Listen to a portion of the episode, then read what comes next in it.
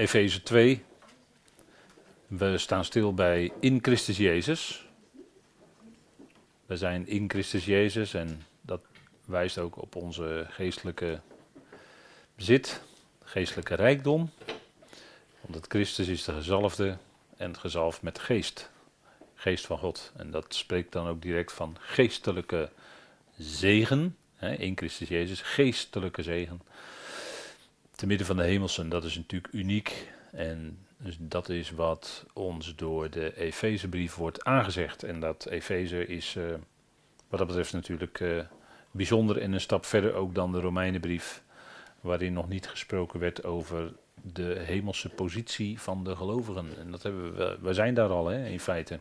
In Christus Jezus zijn we er al geplaatst, hè, te midden van de hemelsen. Alleen we zijn er lijfelijk nog niet, dat is nog een kwestie van tijd. Een korte, korte tijd hè, en dan is het zover. De klok loopt, hè, wat dat betreft.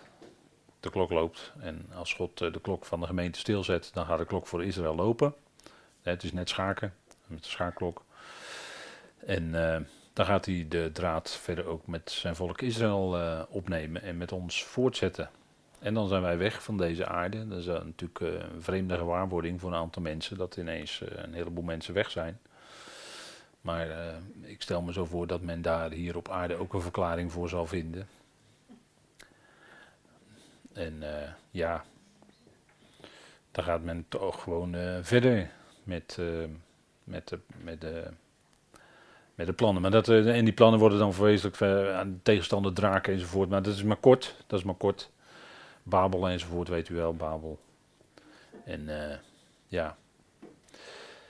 Dan komt de Heer zelf. En die zal zelf dan zaken wel rechtzetten en orde op zaken stellen. Dan is het ook hoog tijd. En dat is precies het juiste moment natuurlijk. Hè.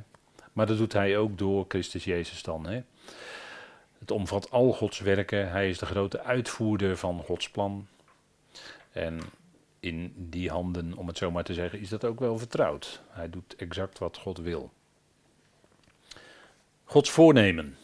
Gods voornemen.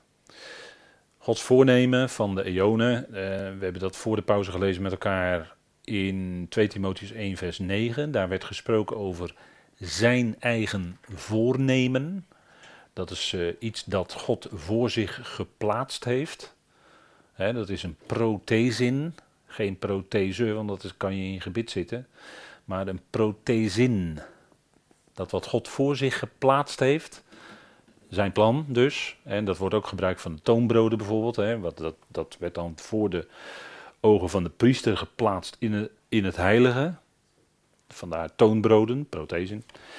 En dat woord wordt dus ook gebruikt voor Gods plan. Wat hij voor zich geplaatst heeft.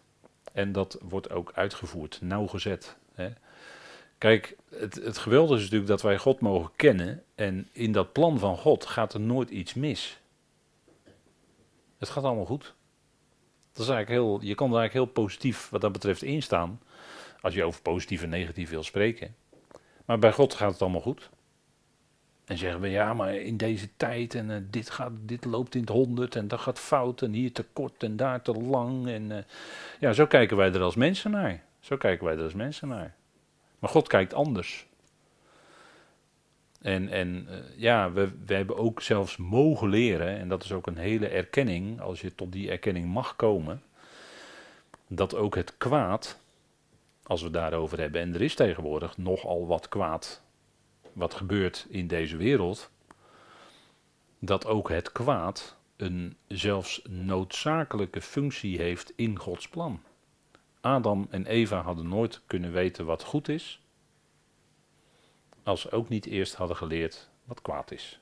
En daarom moesten ze eten van de boom van kennis. Dat moest gebeuren. Ze werden door God gecreëerd en ze werden in een hof gezet. En midden in die hof, notabene middenin, daar stond die boom van kennis van goed en kwaad. En God had die boom daar dus ook neergezet.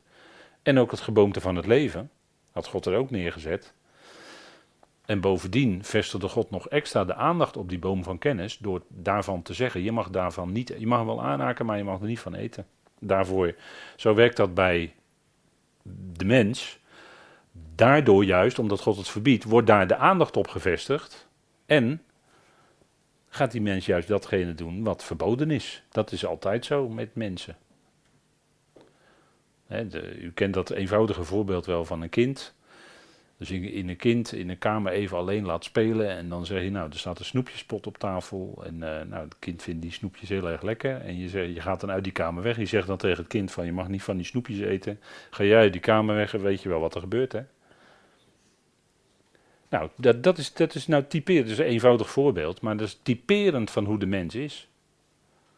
Juist datgene wat God, waarvan God zegt, niet doen dat gaat de mens juist doen. En waar zit hem dan dan in? Nou, in het vlees, het menselijke vlees. Want dat is, dat is tegen God, hè? Dus tegen de wet van God of tegen de wetmatigheid van God, hoe wil je het zeggen? Het vlees onderschikt zich niet aan God. Dat is de gezindheid van het vlees. Dat zegt Paulus allemaal in Romeinen 8. Ja, en dat is natuurlijk, uh, kun je zeggen, ja, dat is een vorm van kwaad. Maar God heeft het wel zo ingericht allemaal in zijn plan. En uh, ja, wie zijn wij dan om daar kritiek op te hebben? Want het gaat toch niet aan dat wij als mensen dan kunnen zeggen van, uh, hè, had, dan, had dat, laat ik het maar voorzichtig zeggen, had het dan niet anders gekund? Nee, het had niet anders gekund. Want het moest allemaal precies dienen zoals het paste in Gods plan. En dat is zoals God het ingericht heeft. En zo doet hij dat. En wie zijn wij dan als mensen om daar kritiek op te leveren? Dus uh, ja, ik zal de brochure nu niet pakken om hem voor te houden, maar Jacob en Eza, Romeinen 9 gaat daarover. Wie ben jij nou, o mens? Dat je Gods keuze ter discussie stelt. Wie ben jij nou? God kiest. En als hij het behaagt om diegene uit te kiezen die hij in zijn plan gebruikt, dan is dat Gods zaak. En, en daar als mens dan in geloof, want dan, dan komt er natuurlijk wel geloof bij, als mens je in geloof daaraan onderschikken, ja, dat gaat tegen het vlees van de mens in. Maar dat is wel de enige weg. Dat is ook de weg tot vrede. Hè. Praktische, praktische vrede in het dagelijks leven als gelovige is de weg van onderschikking. En te leren, maar dat is een heel groeiproces, een heel leerproces. Te leren je te onderschikken aan hoe God het doet in jouw leven. En ook in het leven van die ander die jou lief is, die jou naast is, die, hoe je het ook zeggen wil, die jouw familie is, of een zeer naaste familie zelfs. Ook accepteren hoe God het in dat leven doet. Dat, dat is, dat is eh, waar in feite het om draait. Hè, want, en dat is ook erkennen van God als God. Als plaatser, dat God het zo plaatst in ons leven. In uw, jouw en mijn leven. Dat, dat, maar dat is een groeiproces. Dat is elke keer weer dat accepteren. Dank God. En ten diepste leer je dan om God er ook zelfs voor te danken dat hij het zo doet. En dat is een groeiproces. Dat kun je niet, dat kun je niet zomaar van de een op de andere dag als geloven. En dat is Gods plan. Hè? Kijk, het was Gods plan, Gods voornemen. Dat is Gods plan van eonen. Dat is een prachtige, prachtig uitgevoerd boek. Hè? U weet wel, blauwe boek. Hè? Prachtig uitgevoerd. God's Plan of the Eons. Gods plan van eonen. En er wordt precies in uitgeduid hoe, hoe God dat, die, die, die grote stappen, om het zo maar te zeggen, die God dan zet in zijn plan. Hè, vijf grote tijden, eonen. En dat voert hij uit in Christus Jezus, staat er dan ook in. Efeze 3, vers, uh, vers 11 staat dat. In overeenstemming met het voornemen van de eonen, dat hij uitvoert in Christus Jezus, daar heb je het weer, hè? In Christus Jezus, onze Heer. En er wordt dan ook nadrukkelijk de, de term Curios, hè, de, de titel Curios wordt eraan verbonden. Ja, hij is Heer. Hij is Heer. Hij is, hij is hoofd, maar hij is Heer over. Hè, we erkennen Jezus als Heer. Dat, dat wil zeggen als Curios, dat wil dus ook zeggen, heel praktisch, dat hij dagelijks, dagelijks in ons leven voor het zeggen heeft. Hè, als we even terugbrengen gewoon naar de dagelijkse praktijk. Dan heeft hij met een hoofdletter voor het zeggen. Ja, dat is, dat is uh, erkenning. dat is niet alleen kennis hebben van dat hij Curios is. Nee, erkennen wil zeggen dat je dat ook accepteert. Dat hij daadwerkelijk in jouw leven Curios is. Elke dag. Dus dat is heel praktisch, hè? Jezus is Heer, dat is heel praktisch voor ons als, als, als gelovigen. En God, hoe doet God dat nou in zijn plan? Een van de dingen die hij doet in zijn plan is dat hij, hij maakte een scheiding, hij bracht een scheidingslijn aan tussen besnedenen en onbesnedenen. Hij riep Abraham uit Oer van de Galdeeën en tegen Abraham zei hij in Genesis 17, besnijden met je huis en daarna het volk Israël, wat eruit voortkwam uiteindelijk. Besnijden, dat markeerde dus een scheidslijn, hè, dat bracht een scheidslijn aan tussen de besnijdenis en de onbesnedenen. En dat, dat, dat in dit stukje wat we gelezen hebben vanavond, wordt er ook gesproken daadwerkelijk over vijandschap. Vijandschap in het vlees. En wie heeft dat zo geordend? God. Dat klinkt misschien wel heel paradoxaal als ik dat zo zeg. heel tegenstrijdig, maar toch is het zo. God heeft die scheidslijn aangebracht in de volkeren. En dat is zoals God het doet. En natuurlijk, we weten, de besnijdenis is een type van uiteindelijk de afsnijding van Christus, de besnijdenis van Christus op Golgotha. Lees Colossense 2. Daar was het uiteindelijk natuurlijk een heenwijzing naar. En het wilde zeggen, jij mens vanuit je vlees, jij kan het niet. En daarom werd het ook afgesneden. En dan zegt God, ja, ik kan het wel. En ik doe het, ik geef mijn kracht in jou, mens. En dan kun jij het wel. Waarom had Abraham kracht om te geloven totdat Isaac geboren werd? Dat hij toch tegen alle verwachting in geloofde dat, hij, dat God toch die belofte zou vervullen. Hoe had Abraham de kracht om dat te kunnen geloven? Totdat hij honderd was. Nou, die kracht die gaf God hem, die geloofskracht. Dat is Gods kracht. Anders had hij niet gekund. Dat geldt voor al die gelovigen, die in Hebreeën 11 bijvoorbeeld genoemd worden. In het geloof heeft die en die dat gedaan. In het geloof heeft die en die dat gedaan. Enzovoort. Ja, maar dat geloof werd, werd allemaal door God gegeven. Dat kwam niet zomaar uit jezelf of zo. Natuurlijk niet. Dat kan helemaal niet. Dan kan je, je kunt uit jezelf ook helemaal niet geloven. God moet dat door zijn geest in je geven.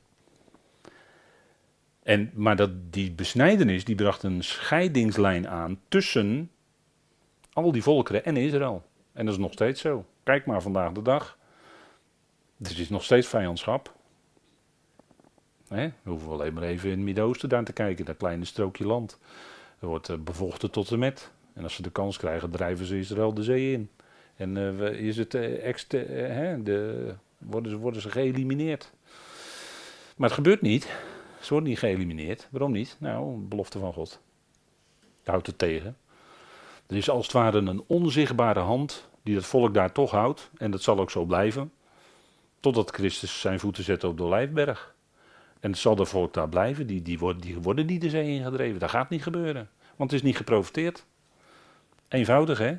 Maar zo, zo, God houdt dat tegen. dus zo is Gods hand ook werkzaam. als, als we dat graag willen zien, zo is Gods hand ook werkzaam nu in de, in de geschiedenis met die hele mensheid. Hij bewaart zijn volk. Het is zijn volk nog steeds hoor. Dat moeten we niet vergeten. En ja, dat, dat is. Uh, wat, die scheidslijn is er dus nog steeds. Dat kunnen we dagelijks dus waarnemen. En het punt is dat toen de Heer op aarde kwam. nam hij ook die scheidslijn in acht, hè, die God had aangebracht. Want hij zei. U ziet, de tekstwijzingen zijn voor u heel bekend hij zei toen die vrouw hem aanriep, zei hij, ja, ik ben niet gezonden dan tot de verloren schapen van het volk Israël. Van het huis Israël. Dus hij hield die scheidslijn, hij hield het aan. En dat was zijn gehoorzaamheid in geloof in die, in die opdracht die hij had gekregen van God. En hij volgde ook die scheidingslijn die God had aangebracht. Dat volgde hij. Dat was gehoorzaamheid, dat was geloof. En Paulus die zegt dan natuurlijk in Romeinen 15 dat hij een dienaar geweest is van de besnedenen om de belofte van de Vader te bevestigen. Dat heeft hij ook gedaan. Dat was zijn opdracht, dat heeft hij ook uitgevoerd. Maar wel binnen die scheidingslijn. Hij ging niet naar alle volkeren om het evangelie te prediken, deed hij niet. Waarom niet? Was gewoon zijn opdracht niet. Besnijdenis evangelie. En dat, dat is voor mensen soms dan heel moeilijk te verteren als ze voor het eerst van deze dingen horen. Omdat alles zo door elkaar gehusseld is. Daar komt het door. Alles is zo door elkaar gehusseld. De verwarring is zo groot. Men onderscheidt deze lijnen niet. Of onvoldoende. En daarom is men in de war. Geestelijk gezien. Maar de Heer nam die in acht. En, en volgde dat dus. En dat is dus 2000 jaar lang het geval geweest. En eigenlijk zien we dat vandaag aan de dag nog steeds. Dus ja, dan kun je zeggen, ja, ja, ja, die vijandschap, ja, inderdaad. En dat is toch God die het zo ingericht heeft. Het moet nu zo zijn. Het is, het is best mogelijk. Hè? De wereld zoals die er nu uitziet, is de best mogelijke. Waarom? Omdat hij nu precies, de wereld is nu precies zo zoals hij beantwoordt aan Gods plan. Zo moet het zijn nu. En dat gaat allemaal wel veranderen in de toekomst. Als de Heer komt en, maakt zijn, uh, en gaat alles veranderen, gaat alles rechtzetten, natuurlijk. Maar nu moet het zo zijn. Nu zegt u, het wordt steeds donkerder geestelijk gezien in de wereld, steeds meer duisternis. Ja, maar dat moet ook zo zijn. Dat is de, de ontwikkeling van Gods plan. Dat is, dat is allemaal beschreven in profetie. Staat er allemaal. En tot dat moment dat de Heer het verandert. En dat, dat, uh, dat hebben we ook gelezen natuurlijk voor de pauze in de brieven van Paulus. Toen was er ook een bepaalde situatie. En dan schrijft Paulus thans echter. Ja, en dan is het anders. Dan is het anders, dan verdwijnt er een stuk duisternis en krijgen de gelovigen meer licht. En dat soort dingen. Ja, dat is wat God doet. En dat kun je ook heel praktisch toepassen op je eigen leven en de, degene om je heen. Ja, die zijn in een bepaalde situatie en je zou zo graag willen dat die anderen ook en die zien het maar niet. Ja, maar dat moet dan toch zo zijn. Totdat God dit doet misschien in het leven en dan is het ineens, gaat het licht aan. Dat kan, dat kan. Kan tien jaar duren, kan twintig jaar duren, kan dertig jaar duren. Ja, heb je dertig jaar gebeden voor iemand, ja, en dan, als dan de ogen open gaan, nou wees blij, dankbaar. Maar dat is dan Gods plan met die persoon. Heel, heel, dat is een micro, hè? een microniveau zeggen we dan bij iemand alleen. En zo werkt God ook, want zo groot is God dat hij ook persoonlijk bemoeienis heeft met ieder mens. Ja, dat gaat ons uh, voorstellingsvermogen natuurlijk ver te boven, want ja, hij zegt er leven nu 8 miljard mensen op deze wereld. Hoe kan God dat allemaal? Ja, nou, God wel. Maar die is dan ook vele, vele malen groter dan dat wij zijn. Die heeft alles keurig netjes onder controle. Wij zeggen het loopt uit de hand. Nee hoor, God heeft het onder controle. En, en dat is, ja, dat is zoals, het, uh, zoals hij dat inricht in zijn plan. Hè? En dat volgen we. Kijk, en die tegenstander, die is er ook nog. Die uh, wilde, wilde uit alle macht proberen de Heer van zijn gehoorzaamheid af te brengen. En dat deed hij door op het allerlaatste moment, en dan zit je eigenlijk in die laatste dagen voordat uh, het uh, Pessachfeest zou uh, aanbreken. En dat was het moment dat de Heer dan ook daadwerkelijk zelf het lam zou zijn, dus zelf gekruisigd zou worden. En toen, u ziet op het plaatje palmtakken, intocht, we noemen dat altijd intocht in Jeruzalem. Maar in ieder geval trok hij toen rijdend op een ezelinnenjong, zoals Zacharia dat voorzegd had, trok hij over de olijfberg en over de olijfberg heen, zag de stad, huilde over de stad, omdat ze de tijd van hun bezoeking niet hadden erkend. de Heer huilde over Jeruzalem, de inwoners van Jeruzalem. Ze hadden de tijd niet onderkend dat zij bezocht werden door hun Messias. Ze erkenden hem niet. Hij kwam tot het zijne, maar de zijnen hebben hem niet aangenomen. En toen kwam de tegenstander en uh, de Heer was op weg. Hè. Dat was al enige tijd zo dat zijn aangezicht gericht was naar Jeruzalem. Want daar zou het gaan gebeuren, daar zou hij naar de profetieën gaan lijden en sterven. En ze probeerden hem de voet was te zetten. En dat lezen wij in Johannes 12. Laten we even met elkaar opzoeken. Johannes 12. En dat is vlak na de zalving van de Heer in Betanië. Betanië, dat ligt ergens eh, op de Olijfbergen. Dat weet u misschien wel. Bet Ani. Bet Ani. huis, huis van smart, huis van pijn wordt het wel eens vertaald. En iemand heeft het ook wel eens vertaald vanuit het Hebreeuws. Als je het vanuit het Hebreeuws vertaalt, Bet Ani, is uh, huis ik. Ani is ik in het Hebreeuws nadrukkelijk en beet is huis. Dan zou je het ook misschien mogen vertalen als ik ben het huis. Maar dan doe je het helemaal vanuit het Hebreeuws. Kan. En op de Olijfberg lag ook Betfage, dat is het huis van de groene vijg. En daar was hij bij zijn vrienden Lazarus, Martha en Maria bij gelegenheid. Maar na dat stukje, na, die, na dat stukje dat hij daadwerkelijk daarvan vertrekt en uh, over de Olijfberg trekt naar Jeruzalem, dan zitten we in uh, Johannes 12, vers 20. En er staat er, nu waren er enkele Grieken onder hen, die gekomen waren om, op het feest te aanbidden. En dat waren um, echte Grieken. Uh, er is een ander woord wat in handelingen gebruikt wordt, uh, dat ietsje anders is, maar dan wijst het op de Grieks sprekende Joden. Uh, maar dat is, een, dat is dus een andere groep. Hier gaat het om echte Grieken, die waarschijnlijk proselieten waren. Men denkt proselieten van de poort, zoals Cornelius dat ook was. En die waren naar Jeruzalem gekomen voor dat feest. Voor de, ja, dat was een van de grote hoogtijden van Yahweh, Pesach om op het feest te aanbidden. En die hadden ook uh, waargenomen wat er gebeurd was. Ze hadden natuurlijk die palmtakken, mantels over de weg uitgespreid. En uh, ze hadden geroepen naar Psalm 118, gezegend is hij die komt in de naam van Jahweh, weet u wel. Die, dat, dat riepen zij toen, hè. Hosanna riepen ze, red ons toch. En dat was een, die Grieken waarschijnlijk niet ontgaan en die kwamen dan naar hem toe op het feest om te aanbidden. En die gingen dan naar Filippus, vers 21 van Johannes 12, die van Bethsaida in Galilea afkomstig was, en vroegen hem: Heer, wij willen Jezus zien. Dus zij waren heel erg benieuwd: wie is hij? We willen hem zien, we willen hem spreken, we willen hem. Uh, ja, misschien zit dat er wel een beetje in. Wij willen hem uh, vereren, wij willen hem uh, groot, groter maken. En eh, dat was misschien een. Dat kon een afleiding zijn, want dit waren Grieken. Dit waren Grieken. En wat was de opdracht van de Heer? De Heer was gezonden tot de verloren schapen van het huis van Israël. En nu kwamen de Grieken, misschien wel een behoorlijke groep. En die wilden hem graag zien, die wilden hem graag spreken, die wilden graag. Dat was natuurlijk een, een vorm van, van afleiding van die weg die hij moest gaan, van die gehoorzaamheid. Vandaar de tegenstander, hè, die wilde hem van die weg van die gehoorzaamheid afbrengen. Hij was op weg naar het kruis.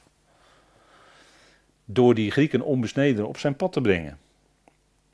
En Filippus die kwam en zei het tegen Andreas. En Andreas en Filippus zeiden op hun beurt tegen Jezus. Maar Jezus antwoordde hun: Het uur is gekomen dat de zoon des mensen verheerlijkt zou worden. En dat is de titel die de Heer over, op zichzelf toepast, hè, die de Heer over zichzelf gebruikte. Andere mensen deden dat niet, maar hij zei dat over zichzelf. Hij is de zoon des mensen, hij is de zoon van Adam. En daarmee is hij natuurlijk de rechthebber ook op de troon over de mensen. Hè? Het uur is gekomen dat de zoon des mensen verheerlijkt zal worden. dus dat was heel nabij, hij wist dat. En hij ging en hij getuigde hier ervan dat hij in gehoorzaamheid die weg van de Vader ging, want dan zegt hij: Voorwaar, voorwaar, ik zeg u, als de tarwekorrel niet in de aarde valt en sterft, blijft hij alleen. Maar als hij sterft, draagt hij veel vrucht. En dat zei hij in feite over zichzelf. Hij moest zelf sterven. Dat was noodzaak, opdat hij vrucht zou dragen. dat is een uh, voorbeeld natuurlijk uit de natuur wat wij kennen. Heb je een handvol tarwekorrels, die kun je hier neerleggen, dan gebeurt er niks. Maar op het moment dat je ze in de aarde stopt, je zaait ze in de aarde, dan gaat er iets gebeuren. En dan gaat er ook vrucht uitkomen. Dan komen de tarwe komt eruit, of gerst, of datgene wat je gezaaid hebt. Met andere korrels, dus komt weer vrucht aan. Waar meel, daar kan je ook weer brood van bakken enzovoort. Maar hij zegt dus, als de tarwekorrel niet in de aarde valt en sterft, blijft hij alleen. Maar als hij sterft, draagt hij veel vrucht. En daarin zit natuurlijk ook een verdergaande, niet alleen op hemzelf uh, natuurlijk ging dat hier over hemzelf. Hè, dat het eh, voor hemzelf die waarheid toegepast zou worden. Hè, hij zou zelf, als die tarwekorrel zijn, hij zou zelf in de aarde gezaaid worden en, en opgewekt worden en zou veel vrucht dragen. En wij zoals we hier zitten en dit horen en, en de, de schriften lezen, zijn een onderdeel van die vrucht. Van dat hij stierf, dat, dat hij daadwerkelijk in gehoorzaamheid die weg is gegaan, die vader had bepaald, tot en met de dood van het kruis. Waar hij in Gethsemane het heel moeilijk mee had, in de ziel. Maar zijn geloof, zijn geest, zei hij in gebed: Nee, vader, niet wat ik wil, maar wat u wilt. En natuurlijk, dit, dit van die tafelkodder dat hij hier zei, dat was nog voor Gethsemane. Maar dat is de, de geestelijke les, ook voor ons natuurlijk, is ook op ons van toepassing. Met Christus, hè, we worden ons bewust dat we met Christus, tezamen met Christus gestorven zijn en begraven. En opgewekt om in een nieuw leven te wandelen. Pas dan, pas dan kunnen we echt vrucht dragen. Dat is natuurlijk voor ons de, de situatie, hè. En naarmate we dat door God, natuurlijk door God gegeven, dat we dat erkennen, dan gaat, er ook, dan gaat de Heer ook vrucht zetten in ons leven. En in de, in de ervaring kun je misschien zeggen, ja, eh, het vlees zit nog zo vaak dwars en het vlees wil de andere kant op. En eh, ja, maar naarmate we meer erkennen, nee, is mede gekruisigd met Christus, dan is dat, hè, dan, dan, dan worden we ons meer bewust, nee, dat vlees, dat is in de dood en dat hè, dat, dat is de juiste plek aan het kruis ermee. En hier zien we dan de geestelijke les. en, maar als hij sterft, draagt hij veel vrucht. dat is de diepe waarheid ook voor ons.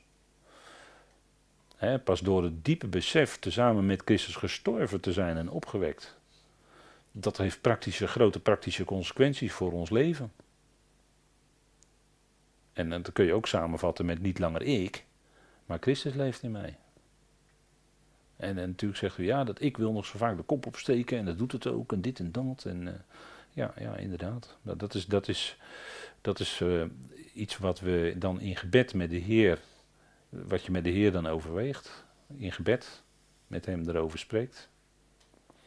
Dat erkennen, daarmee rekenen, hè, zegt Paulus. Dat woord gebruikt hij dan. Rekenen met dat woord. Dan zeg ik het eigenlijk dubbel op. Maar dat, dat is het punt, hè, dat je daarmee blijft rekenen. Romeinen 6. Dat is fundamenteel, hè, dat is essentieel. En dat is niet zo van, ik heb ooit Romeinen 6 uh, eh, goed uh, begrepen wat dat, wat dat inhoudt. Ja, zeker, dat is natuurlijk het begin. Maar dat is het begin. Maar Romeinen 6 blijft zo. Dat mede gekruisigd en begraven en opgewekt, dat blijft zo. Dat blijft onze situatie. En daar leven wij uit. Hè, opgewekt om in nieuwheid van leven te wandelen. Ja, dat is, uh, dat is natuurlijk, uh, als je op die manier met elkaar kan optrekken, is dat heerlijk natuurlijk. Hè? En dan, zien we, dan kun je ook elkaar aanzien in Christus. Hè? Dat is ook een ja, nou, geheim. Maar elkaar aanzien in Christus, ja, daar gaat het om. Elkaar niet langer kennen naar het vlees. Maar elkaar erkennen en kennen in Christus. Daar gaat het om. Kijk, die tegenwerker die wilde de Heer uit die gehoorzaamheid als het ware proberen te trekken of te, te duwen, hoe je het zeggen wil. Maar hij hield het bij die opdracht. Hij week niet af. Nee, ik ben gezonden tot de verloren schapen van het huis van Israël. dit is mijn weg. En ging richting het kruis. Ging richting die 14e Aviv of Nisan waarop die gekruisigd werd. Wie zijn ziel lief heeft, hè, vers 25, wie zijn ziel lief heeft zal het verliezen. Maar wie zijn ziel haat in deze wereld, zal het redden tot in eonisch leven. daarin zit wel een, een, een, bepaald principe natuurlijk. Hè. Kijk, eh, we, we, willen allemaal als mens graag ziel, dan zeggen we zielse genoegens hebben, hè, zeggen we dan. Zielse genoegens hebben. Maar daarvan afzien, hè, omdat je apart gezet bent voor de dienst aan God in je dagelijks leven. God te dienen in, in, in hoe of wie of waar of wat dan ook. Maar God dienen in je dagelijks leven, daar ben je in geplaatst. En dan afzien van, ja, dat kan, dat kan het betekenen, ja. Dat je dan afziet van zielse genoegens, waar je vroeger uh, voor je hartstikke leuk. En uh, dat je daar toch van afziet. Ja, kan. Dat kan. Ja, en dat is voor iedereen natuurlijk weer anders. Hè. Ik bedoel, uh, u kan dat denk ik voor uzelf het beste invullen dat is dit principe. Want hij zegt in vers 26: Als iemand mij dient, laat hij mij volgen. En waar ik ben, daar zal ook mijn dienaar zijn. En als iemand mij dient, zal de Vader hem eren. Het gaat erom dat we hem dienen. ten dienste van Hem staan. Heer, wat wilt u dat ik doen zal, is ons gebed. dat, is de, ja, dat is hetzelfde als niet langer ik. Nee, Heer, wat wilt u dat ik doen zal? En ja, dan geeft de Heer dat ook aan hè, voor ons. Hem dienen. Daar gaat het om. Betrokken zijn. Ik meen dat we daar de vorige keer even over hadden. Betrokken zijn in het werk van de Heer. Het werk van de Heer. Daarin betrokken zijn. Kunnen we allemaal zijn. Je bidden voor het woord dat het snelle voortgang heeft. Bidden voor de ander die je ontmoet in je dagelijks leven. Noem alles maar op. Hè. Dat is zoveel. En dat is zo breed. Maar wel bewust zijn wat het werk van de Heer in deze tijd is. Hè? En daar zit dan gelijk weer een, vaak verwarring. Kijk, het werk wat de Heer in deze tijd doet is de uit, het uitroepen van de gemeente, van het lichaam van Christus. Uitroepen. En die gemeente prepareren voor de toekomende hemelse bediening. Dat is wat de Heer doet nu, vandaag. Daar bereidt hij ons op voor. En wat de Heer nog meer doet, is dat Hij, zegt hij in Efeze 5, hè, dat Hij de gemeente, de Ecclesia, de uitgeroepenen, het lichaam van Christus, dat Hij die Ecclesia heiligt en reinigt door zijn uitspraak. Dat is het werk wat de Heer nu doet. En in dat werk, en dat is het werk van de Heer, dat het, dat het goede nieuws wat in deze tijd moet klinken, dat dat uitgaat. En dat goede nieuws is het evangelie zoals Paulus dat brengt voor vandaag. En dat is dus niet het evangelie van de besnijdenis. En daar zit, daarom zeg ik, daarin zit heel veel verwarring. Hè? Want je kan natuurlijk heel hard bezig zijn in dat andere evangelie. En dan heb je misschien een heleboel opgebouwd, een heleboel gedaan, een heleboel gezus, een heleboel gezo. En dan komt de Bema. En dan komt het vuur van de Heer, dan komt het vuur van de Heer. En dan kan het best zijn dat het hout, hooi en stro is. Ja, en dan is het met vuur is natuurlijk weg. Dat, door, dat kan zijn vuurproef dan niet doorstaan. En, en dan ben je zo druk bezig geweest voor de Heer enzovoort. En dit gedaan voor de Heer en dat gedaan voor de Heer en zus gedaan en uh, weet ik wat allemaal. En het kan best zijn dat de Heer bij de Bema dan zegt, ja, dat is allemaal hout, hooi en stro. Want je zat in het andere evangelie. Dat is niet het evangelie wat ik bedoelde. En zo was het toch ook met de Heer zelf, want daar zijn we nu mee bezig. Met de Heer zelf, toen hij op aarde was, was hij alleen gezonden tot de verloren schapen van het huis Israël. En hij hield zich daaraan. Hij ging niet naar Syrië, hij ging niet naar Jordanië, hij ging niet naar Cyprus, zoals Paulus dat later wel ging. Nee, hij hield zich aan zijn opdracht. Dat was zijn opdracht toen. Dat was het werk van de Heer toen. En het werk van de Heer nu is. De, de, Paulus is daarin bepalend. Dat is nou eenmaal de apostel die hij heeft aangesteld. De leraar van de natieën. Nou, wat moeten wij als natie dan doen? Nou, naar die apostel luisteren natuurlijk. En dat is, dat is wat we doen. Dat is het werk van de Heer nu.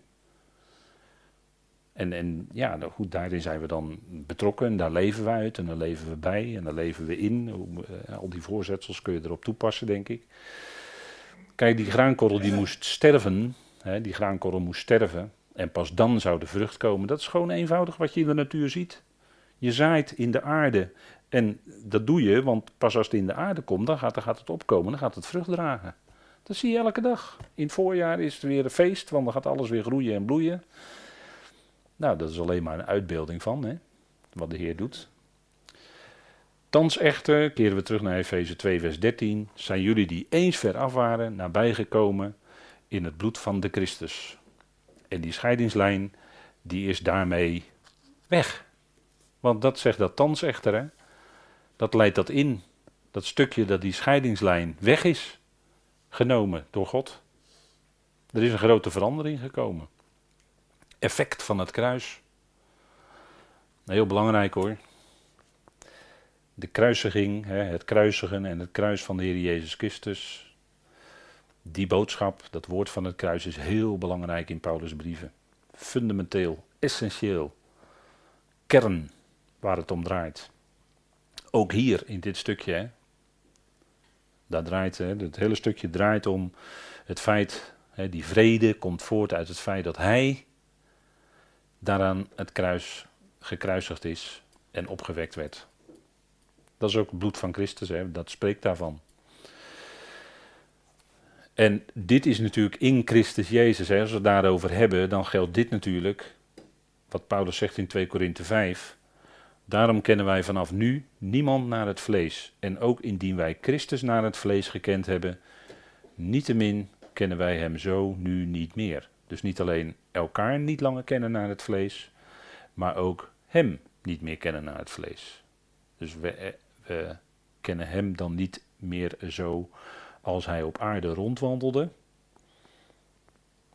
Petrus zegt voor de gelovigen uit besnijdenis dat ze in zijn voetstappen zouden treden, maar dat geldt niet voor ons. Want dat is hem naar het vlees kennen. En voor ons is het dat wij hem, ja, dan moet je dat doortrekken, die lijn, naar de geest kennen, als Christus Jezus, en wij kennen hem niet langer naar het vlees. Dus dat, dat haalt een scheidslijn, zeg maar, weg. En zijn we één met al die gelovigen. Want die zijn ook in Christus Jezus. Daar zijn we één mee. Geestelijke eenheid. Die is er, die hoeven wij niet te bewerken natuurlijk. Nee, die is er. En we zouden daaruit leven en dat erkennen en uh, met elkaar in de band van de vrede omgaan. Erkennend dat die eenheid van de geest daar is. En op basis daarvan, van die erkenning, in vrede met elkaar leven. En daar zingen we dan van, hè, houd vrede onder elkaar, want dat is de wil van God. Hè. Maar dat is onder geloven nog wel eens lastig hoor. Dat is wel eens lastig. Houd vrede onder elkaar. Dat is niet altijd, uh, dat is niet altijd zoals onder gelovigen. Even dat heel zachtjes mag zeggen hier.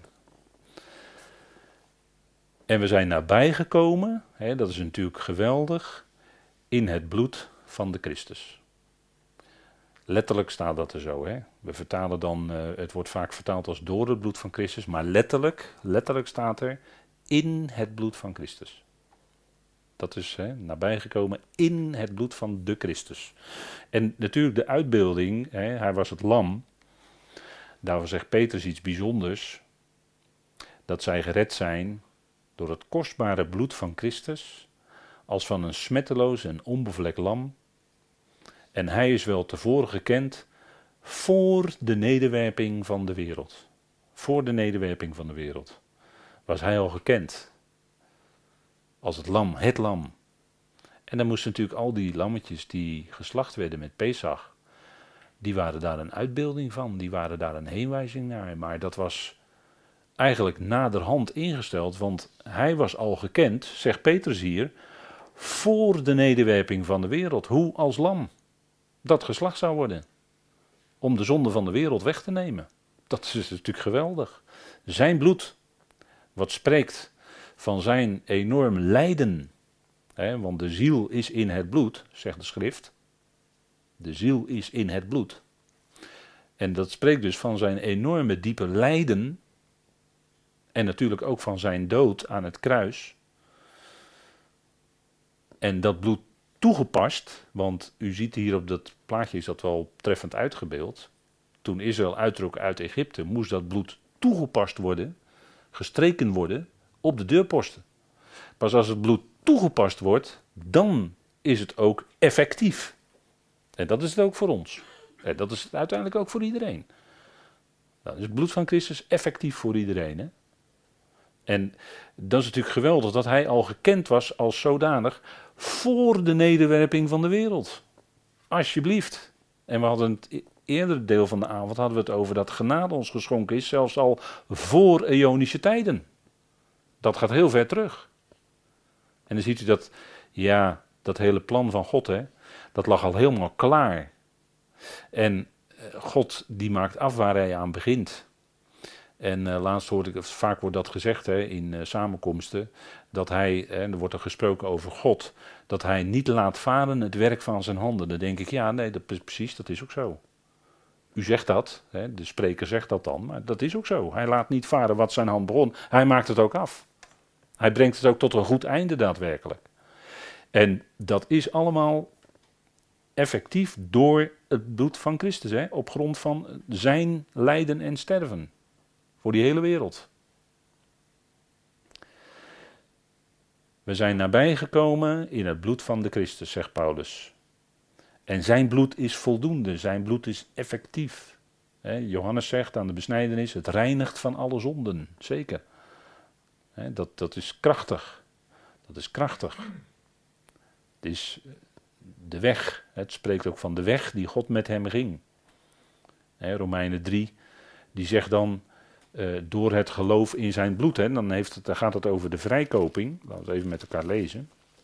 Want dat, die vrijkoping heeft ook alles te maken met het bloed van Christus. Hè? Dat, is, dat is eh, wezenlijk hoor, heel wezenlijk in het evangelie. Romeinen 3. En dan lees ik even vanaf vers 23. Want allen hebben gezondigd en missen de heerlijkheid van God. Dat is natuurlijk een vaststelling die uh, duidelijk is op basis van wat Paulus allemaal eerder had gezegd in dit hoofdstuk.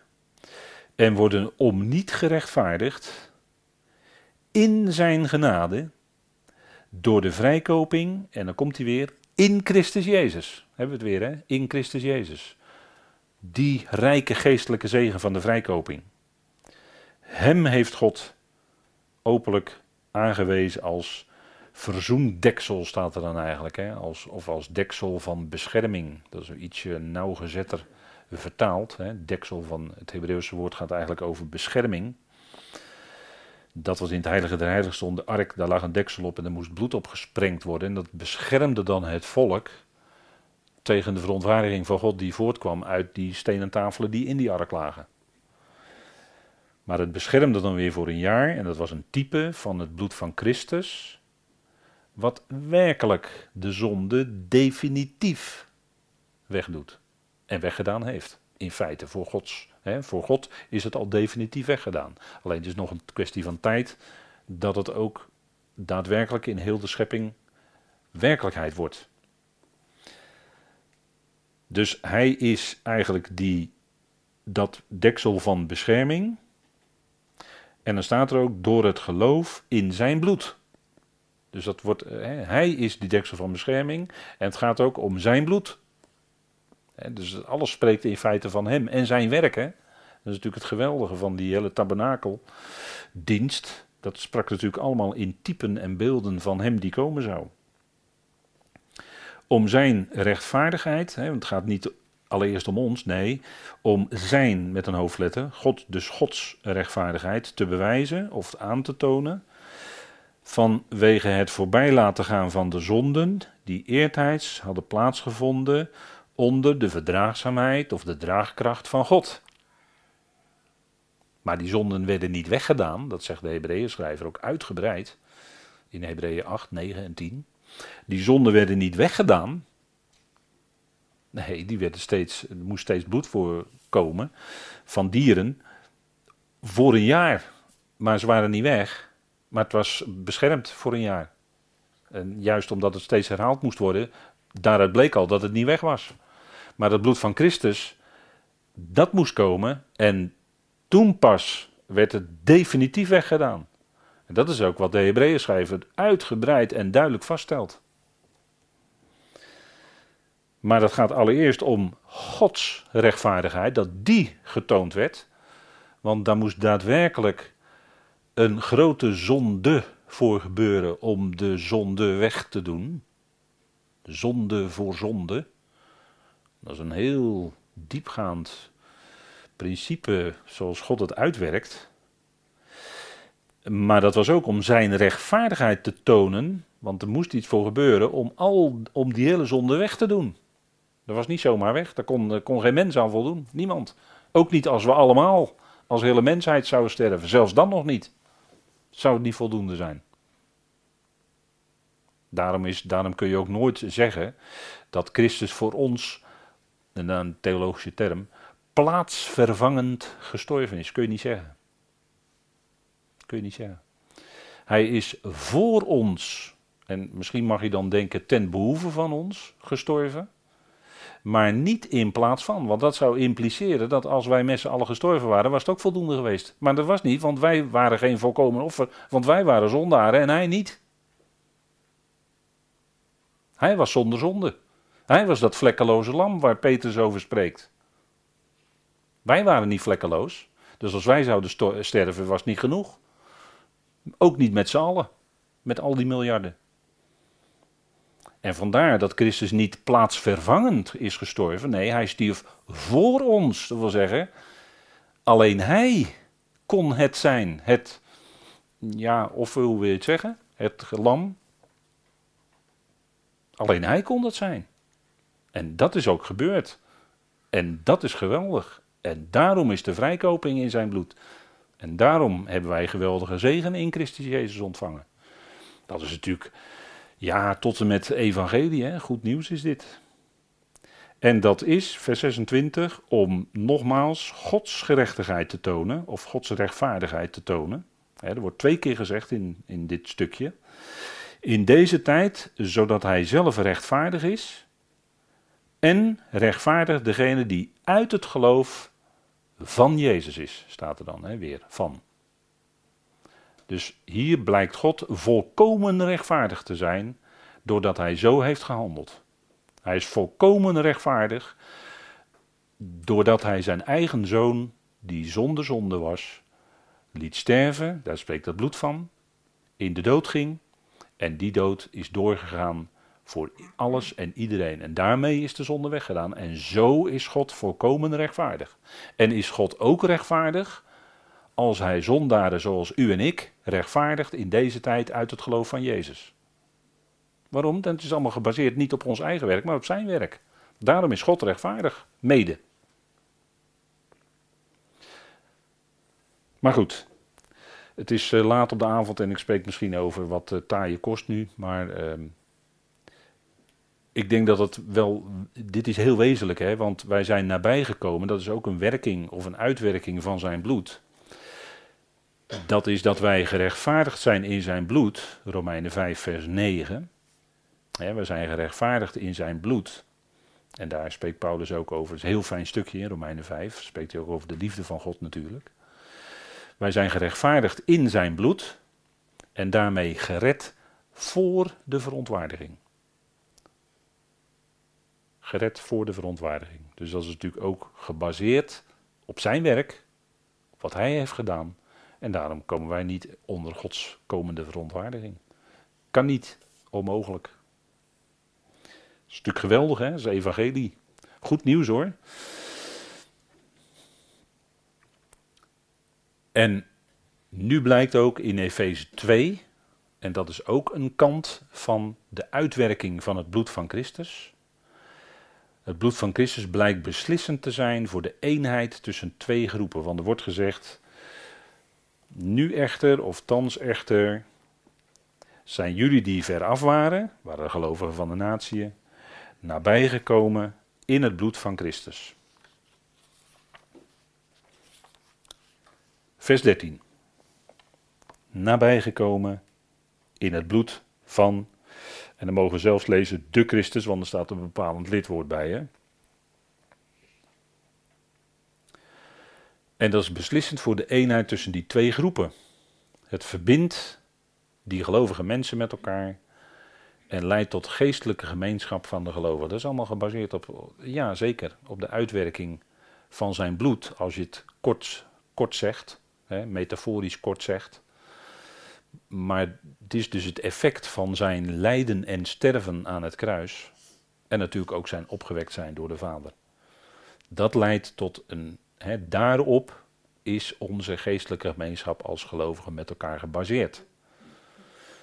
En dat was overeenkomstig Gods wil. Hè, want zijn dood, het bloed van Christus spreekt van zijn lijden, spreekt van zijn dood. Maar dat was overeenkomstig Gods wil. Het moest die dood zijn die God ook bepaald had dat hij zou sterven. Kijk, hij had natuurlijk anders kunnen sterven, even theoretisch gesproken, doordat hij met, samen met zijn Joodse volksgenoten zou opstaan, in opstand zou komen tegen de Romeinen en een strijd zou leveren en in die strijd zou sterven. Maar dat was niet zoals God het bepaald had. Want Petrus zei later op de Pinksterdag dat hij was overgeleverd, gekruisigd, gestorven naar de bepaalde raad en voorkennis van God. Het moest op die manier gaan. Dan pas is dat lijden en die dood van Christus effectief. Omdat het overeenkomstig Gods wil was gegaan. Naar, zijn, naar het bepaalde raad en voornemen van God. Voorkennis van God. Dan is het effectief. En op een andere manier niet. Dus die weg moest hij gaan volgens Gods plan. En dat leidt tot rijke zegen voor alles en iedereen, die hele schepping. Ja, dat is natuurlijk geweldig dat we daar naar mogen uitzien. Wij mogen ons daarin nu al gered weten. En ja, het is louter en alleen genade. Het is zuivere genade dit. Het is alleen maar gebaseerd op wat hij deed. Er is helemaal geen flintertje van onszelf bij. Gelukkig niet zeg. Gelukkig niet. Nee, het is allemaal zijn werk. En daar zijn we geweldig dankbaar voor. En daarmee sluiten we af voor vanavond. En zullen wij de Heer daarvoor danken.